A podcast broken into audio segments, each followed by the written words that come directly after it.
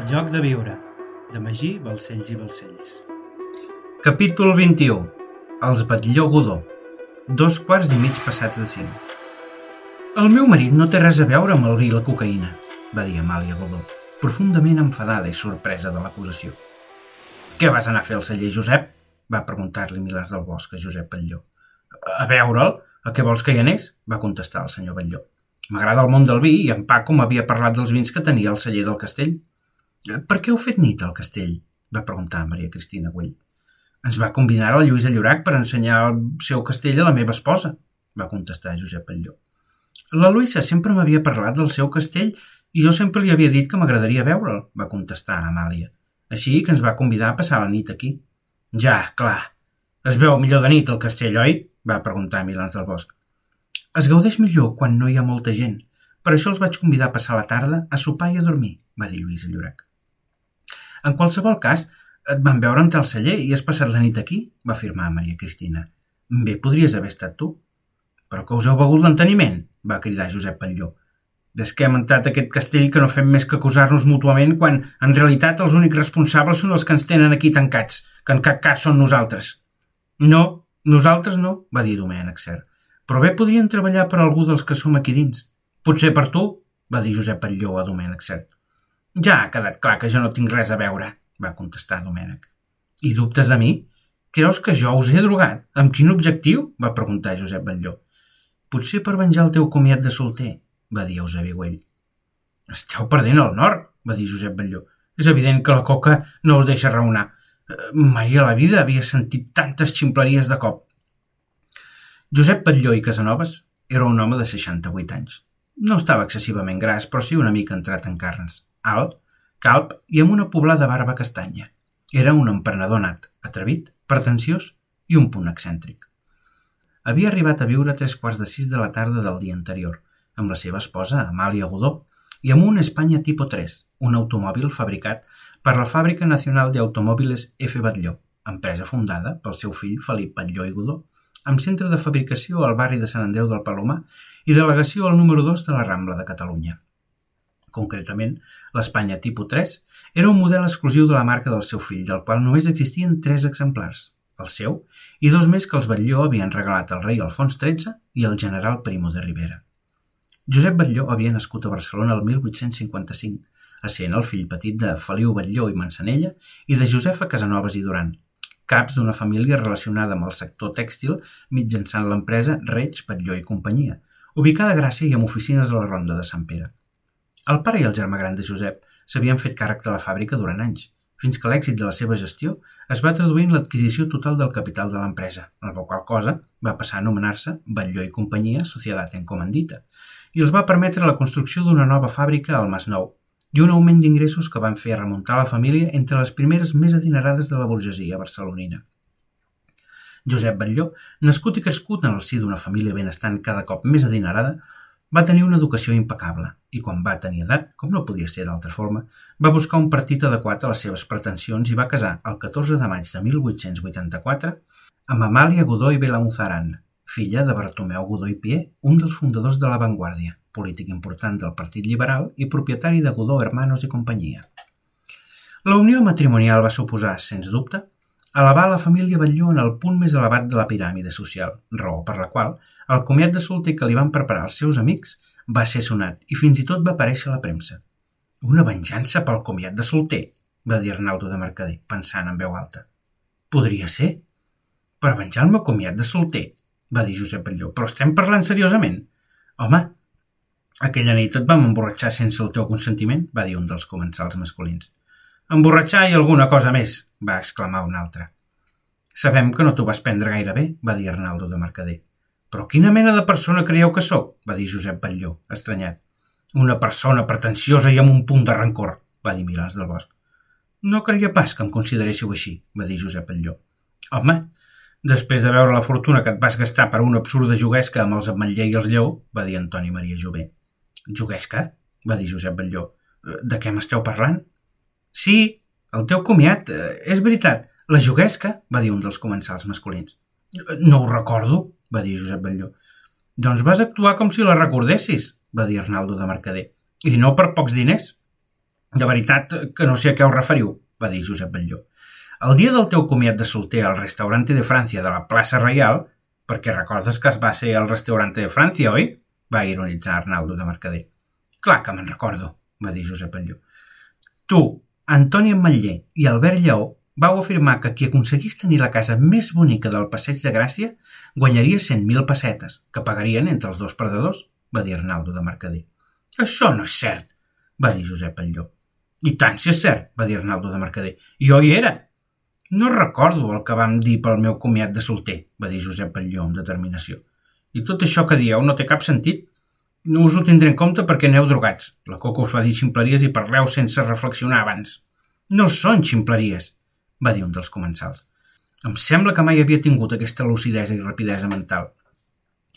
Els efectes de la droga els feia sentir eufòrics, mentalment alertes i conversadors impulsius, però al mateix temps poc raonables i més violents, un fet que els emboirava els sentits i que convertien a Josep Batlló indubtablement en el culpable de tot.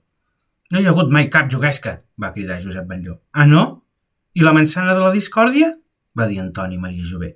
No és cap juguesca, va contestar Josep Batlló. Jo volia una casa al Passeig de Gràcia i això és el que vaig fer, fer-me una casa. Ja, i la família Matller i els Lleó també. Al mateix carrer, en la mateixa illa? li va replicar Arnaldo de Mercader. Ningú ha pagat 100.000 pessetes a ningú, Arnaldo, va contestar-li Josep Batlló amb determinació. No hi havia cap juguesca. M'estàs parlant d'una nit de borratxera quan érem joves? T'estic parlant d'una realitat. La mansana de la discòrdia, va dir Arnaldo de Mercader. Tot això que dius no té cap ni peus. Jo volia una casa feta pel millor arquitecte de Barcelona. Eh, eh, tota la resta no són més que ximpleries. Vaig treballar incansablement per aconseguir el meu somni. Una casa al millor carrer de Barcelona, al Passeig de Gràcia. En el projecte d'Eixample de Cerdà, el Passeig de Gràcia s'havia concebut per ser un eix determinant de la nova ciutat i ja des dels seus inicis, entorn 1860, el passeig va esdevenir un dels llocs d'esbarjo més coneguts de la ciutat, amb cafès, restaurants, sales de ball i muntanyes russes que treien barcelonins de tota condició i que van convertir en lloc en la nova atracció de la Barcelona de fora muralles. Amb el temps, però, sobretot des de la inauguració del Teatre Líric, el teatre més luxós de Barcelona després del Liceu, la burgesia es va apropiar progressivament del passeig i, per consegüent, van començar a alçar-se grans i luxosos edificis de pisos immensos on els burgesos competien entre si per veure qui aixecava la construcció més vella com a mostra de poder i posicionament social. Un fet que va convertir el passeig en l'avinguda de Barcelona per excel·lència, una avinguda on van anar a viure les famílies més adinerades de la ciutat i que van fer del passeig de Gràcia una autèntica joia urbanística i arquitectònica. Així, el Passeig de Gràcia es va consolidar com el principal centre residencial burgès i com l'àrea comercial i de negocis més important de Barcelona, constituïda per un ampli bulevard a l'estil francès, imitant l'avinguda dels Champs-Élysées, pavimentada de llambordes, amb dues calçades laterals per on passaven els tramvies i una de central, separades per voreres arbrades i bellíssims bancs fanals modernistes de trencadís i ferro forjat, tot conformant un passeig de 42 metres d'amplitud i 1,6 quilòmetres de llargària, que servia d'aparador de l'opulència burgesa i de l'arquitectura modernista de Gaudí, Puig i Cadafalc i Domènech i Montaner, amb edificis tan singulars com la Pedrera, la Casa Ametller, la Casa Lleó Morera o la Casa Batlló. Una mostra de l'esplendor burgesa del passeig és que el primer cop que el rei Alfons XIII el va veure va dir que Madrid és molt bella, però Barcelona la supera en dos coses, el Tibidabo i el Paseo de Gràcia. No recordo res d'aquesta juguesca, va dir Josep Batlló. Fa quasi 40 anys, ja. Però el fet és que les tres famílies vau competir per fer-vos la casa més vella, i a la mateixa illa, ni més ni menys, va replicar-li el marquès de Castelldorrius. El comiat de solter va ser el 1884 i casa la meva la vaig acabar el 1906, va dir Josep Batlló. Hi ha 22 anys de diferència entre la suposada juguesca i la materialització de la mateixa. Per això dic que ets rancorós, va dir Milans del Bosc. Just acabat de casar, Josep Batlló no tenia el capital suficient per anar a viure al Passeig de Gràcia, però sí els mitjans per aconseguir-ho en un futur no gaire llunyà. D'aquesta manera, l'entorn tèxtil de la seva família i la proximitat al seu sogre, un godó, van permetre que Josep Batlló entrés com a soci a José María Llaudet Bau Societat en Comandita, una nova colònia tèxtil de filats i teixits de cotó a Sant Joan de les Abadeses, que aprofitava la força de l'energia hidràulica del Ter per fer funcionar la maquinària. La colònia Llaudet, integrada per la fàbrica, la casa del director, dos conjunts de blocs d'habitatges de treballadors, l'església i el cafè Sala de Vall, va arrencar amb èxit i va enriquir a Josep Batlló fins a permetre-li, Posteriorment, obrí tota una filatura moguda per vapor al barri de Sants de Barcelona. Finalment, el 1903 va adquirir l'edifici situat al número 43 del Passeig de Gràcia de Barcelona, per posicionar-se socialment en un estrat superior que el d'un simple empresari d'èxit més, i va encarregar a Antoni Gaudí la reforma de la casa, donant-li total llibertat. La família Batlló-Godó aspirava a esdevenir una de les més importants del país i, per tant, la casa que havia de servir de llar al matrimoni havia de ser tan especial i exclusiva com ells. Per aquest fet, Josep Batlló va escollir l'emplaçament del Passeig de Gràcia i Gaudí com a arquitecte, que en aquell moment ja destacava pels seus treballs, sobretot a la Sagrada Família. Gaudí, conscient que en aquella mateixa illa de cases hi havia edificis de Domènec i Montaner i de Puig i Cadafalc, arquitectes modernistes de prestigi que havien guanyat nombrosos premis, va idear una reforma que posés de manifest definitivament que ningú podia competir amb ell en bellesa i genialitat. Aquesta competència entre els arquitectes va donar el nom de la mansana de la discòrdia a aquella illa, sens dubte, la més singular de tot el passeig. Gaudí va crear una façana inspirada en el fons marí, recoberta de ceràmica vidriada de colors i fragments de cristalls trencats que creaven una superfície suaument ondulada on la pedra, el vidre i la ceràmica captaven la lluentor i els centellets de la llum mediterrània de tal manera que semblaven ones marines en un dia de calma, amb bellíssims reflexos dels núvols crepusculars sobre la superfície.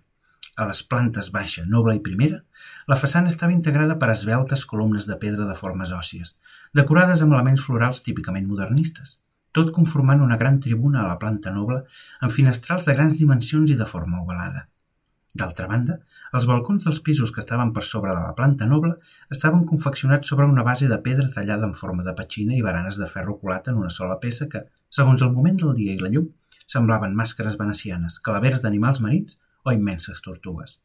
I, finalment, l'edifici estava coronat per una espectacular teulada formada per grans escates que simulaven el llom d'un animal gegant, amb una torre de la qual sobresortia una creu de quatre braços que apuntaven als punts cardinals, motiu pel qual els barcelonins anomenaven la Casa del Drac a aquell edifici, atès que el llom semblava el d'un drac que, unit a la creu de quatre braços, materialitzaven una alegoria a Sant Jordi, el patró de Catalunya, representant el moment en què l'empunyadura de l'espasa del sant es clavava sobre el drac i en sorgia una vella rosa sobre els ossos dels animals devorats pel drac, la casa Batlló.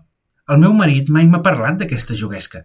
A més a més, vaig ser jo qui li va insistir anar al passeig de Gràcia. Ell encara volia esperar uns anys, va dir Amàlia Godó. Amàlia, si us plau, eh, que no ens mamem el dit. Que el teu marit no t'ho hagi explicat no significa que no existís aquesta juguesca, va dir Bertran i Mosito. Encara que existís aquesta suposada juguesca, quina importància té ara? Això no prova que el meu marit hagi entrat al celler per posar cocaïna al vi, va dir Amàlia Godó, profundament indignada i amb determinació. Drogar-nos a tots, per l'amor de Déu, sembleu canalleta. Amàlia Godoy Balanzaran era una dona de 62 anys, alta i robusta, de cabell castany ondulat recollit amb un monyo, amb un caràcter fort i dominant i a qui agradava en extrem manar. Havia nascut a Barcelona l'1 de setembre de 1861, essent la primera filla de Bartomeu Godó i Pie, fundador de La Vanguardia, i de la basca Felipa Balanzaran. Bartomeu Godó, conjuntament amb el seu germà Carles, s'havia traslladat d'Igualada a Barcelona per eixamplar el negoci familiar, i posteriorment a Bilbao, lloc on va conèixer la seva primera esposa, que li va donar tres filles, entre les quals Amàlia, que va néixer a Barcelona just abans de retornar a Bilbao després de les vacances. Amàlia va viure a Bilbao fins que va tenir 15 anys, moment a partir del qual es van traslladar a Barcelona a causa de la crisi provocada per la Tercera Guerra Carlina. Va ser a Barcelona on va conèixer el que s'acabaria convertint en el seu marit, Josep Alló i Casanovas. El senyor Arnaldo de Mercader diu que va presenciar aquesta juguesca i els fets són que les tres famílies vau competir 22 anys després el que prova que el teu marit és orgullós i rancorós, va dir Bertran i Mosito. El senyor Bertran i Mosito parlant de rancor? Ja té collons, va dir Josep Batlló. El senyor Bertran i Mosito diu que va disparar aquell home en defensa pròpia, però... Què insinues? va dir Bertran i Mosito. Res, res, va respondre Josep Batlló. Caldria saber la seva versió, pobre home. Ell sap que no vaig disparar a matar, va dir Bertran i Mosito. Va quedar coix, va dir Josep Batlló. Com has dit que es deia, pobre? Antonio, Antonio Pero, ja us ho he dit abans, va dir Bertran i Mosito. Però no sé a què ve ara això. Josep, deixa d'atacar el Pepe i respon, va dir Milàs del Bosc. Hi va haver juguesca i 22 anys després la vas dur a cap? Això que dius és extremadament recargolat, va dir Amàlia Godó. A més a més, encara que hi hagués hagut aquesta juguesca i que l'hagués materialitzat anys després, no és prova de res. Sí, és una mostra que el teu marit guarda rancor i no oblida. Si el van drogar ell, coneixent com és I encara que faci més de 30 anys, bé ens podria haver drogat a nosaltres, va replicar Milans del Bosc. Això que dius no s'aguanta per enlloc, home, va cridar el comte de Güell enfadat. Ens han drogat els que han organitzat aquest joc. Ells són els únics culpables. Podem seguir endavant, si us plau, va dir Lluís Ferrer Vidal. Estic cansat de tanta ximpleria. Tothom s'ha acabat els canelons? No, va dir el comte de Godó. Jo no penso menjar res. Jo tampoc, va dir Maria Carbonell. Voleu fer el favor de menjar, si us plau? va dir Matías Muntades. Si no, no sortirem mai d'aquí. Mengeu-vos a vosaltres, si voleu, va respondre Maria Carbonell. Menja! va cridar Milans del Bosc tot alçant-se de la taula. No penso menjar, va dir Maria Carbonell. Al moment, Milans del Bosc va desenvainar el sabre i es va acostar cap a Maria Carbonell. T'has tornat boig o què? va dir el cardenal Vidal i Barraquer, posant-se davant. Eminència, aparteu-vos o us obro per la meitat, va dir Milans del Bosc, mirant-lo de forma desafiant. No tindràs valor, va contestar el cardenal. De sobte, per sorpresa de tothom, es va sentir un gat xisclant i instantàniament tothom va poder observar com des del forat on hi havia la làmpara descendia un gat a poc a poc mentre es movia de forma violenta. Portava una corda lligada al coll i el gat intentava agafar la corda amb les potes mentre es movia i cridava de manera horrorosa. Berliós, què feu? Deixeu-lo estar! va cridar Isabel Llorac, veient el seu gat penjant del coll. El gat es movia espasmòdicament, tremolant tot ell, i cada cop li costava més xisclar fins que, de sobte, va contraure tots els músculs mentre deixava de respirar. I un instant després es va quedar quiet. Al moment, la persona que sostenia la corda la va deixar i el gat va caure sobre la làmpara trencada del terra, clavant-se en un dels seus punxeguts vidres i travessant-lo sencer pel ventre. No! va quedar Isabel Llorac, tot arrencant a plorar. Els comensals miraven l'escena, horroritzats, muts, observant com el gat restava immòbil, travessat pel vidre de la làmpara, mentre la sang degotava sobre el terra, alhora que regnava un silenci només trencat pels plors de la senyora Isabel Llorac. Sou uns desgraciats! Prou! Pareu de matar! Què voleu? va cridar Isabel Llorac, desesperada. Per l'amor de Déu, això és un malson! Un malson! va arrencar a plorar novament. Sembla que li ha dolgut més la mort del gat que la de la minyona, va exclamar a Milans del Bosc fent befa. Aquest comentari està totalment fora de lloc, Joaquín, va dir Lluís Llorac, tot abraçant a la seva germana. Si no continuen menjant, els passarà el mateix als altres gats, va dir la persona de la pistola des del forat del sostre. Després d'uns instants de silenci, Isabel Llorac, amb llàgrimes als ulls, va dir «Ja podeu menjar tots, immediatament!» Veient l'estat de pena d'Isabel Llorac i per la deferència que li tenien, sense més, la senyora Carbonell de Jové i el comte de Godó van continuar menjant el poc caneló que els quedava. «Aniceta, si us plau, Podeu treure en Berlioz d'aquí i posar-lo en una capsa de sabates? Per favor, us ho prego, va dir Isabel Llorac. Ara mateix, senyora, va respondre Aniceta. Només uns minuts després, quan Aniceta ja havia retirat el gat i havia fregat la sang de la làmpara perquè la senyora Isabel no el veiés, es van sentir tres cops espaiats a la porta i es va veure entrar un gran sobre des de la ranura de la bústia. Es tractava d'un sobre idèntic als anteriors, amb 32 petits sobres numerats a l'interior, que un cop repartits van llegir per ordre. Busquem el nom d'un carrer, va dir Lluís Llorac. Advocat i polític espanyol, va llegir Maria Carbonell. Nascut a Salamanca el 2 d'abril de 1819, va dir Clotilde Ricard. Mort a Pozuelo de Alarcón el 29 de juliol de 1895, va seguir Lluís Ferrer Vidal. Va treballar com a redactor als diaris, va dir Amàlia Godó. El Eco de Aragón de Saragossa, va seguir Domènec Cert. I la Enciclopèdia, va llegir Matías Muntades. Va ocupar nombrosos càrrecs públics, va seguir el cardenal Vidal i Barraquer. Va ser comptable segon del Canal Imperial d'Aragó, va dir Josep Batlló. Administrador del canal, va dir Antònia Bertran. Secretari del governador civil de Saragossa, va llegir Virgínia Chorroca. Governador civil de Barcelona entre 1863 i 1864. Va seguir el marquès de Montsolís. Va intentar combatre la mendicitat, va llegir Antoni Maria Jové. Va ocupar càrrecs al Banco Hispano Colonial, va llegir Ramon Godó. A la Companyia General de Tabacos de Filipines, va seguir Paco. I a la Companyia dels Camins de Ferro del nord d'Espanya, va dir Francesc Cambó. Porta el nom d'un bonic poble, va seguir Anna Jové. Una vila medieval de Castilla la Vieja, va dir Isabel Güell, enclavada entre els profuns congostos creats pels rius Duratón i Casalilla, va dir el comte de Güell. A la província de Segòvia, va dir Milans del Bosc.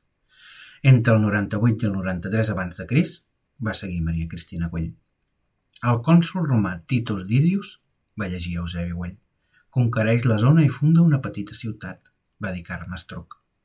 que perviurà fins al segle V, va dir Carlos de Sentmenat. Els visigots ocupen el lloc, va dir Maria Teresa Núñez. I després els musulmans, va llegir Èdit de Llaurador. Fins que el 1010, va llegir Bertran i Mosito. La vila passa definitivament, va llegir Paulina Pozzali. A mans cristianes, va dir Joan Godó. D'avinguda del Marquès del Duero a Ronda Sant Antoni, va seguir Isabel Llorac. Creuat per Llançà, Vilamarí, Entença, Rocafort, Calàbria, va seguir Arnaldo de Mercader. Viladomat, Comte Borrell, Comte d'Urgell, Villarroel, Casanova i Montaner, va finalitzar Consuelo Jové. El joc de viure, de Magí, Balcells i Balcells.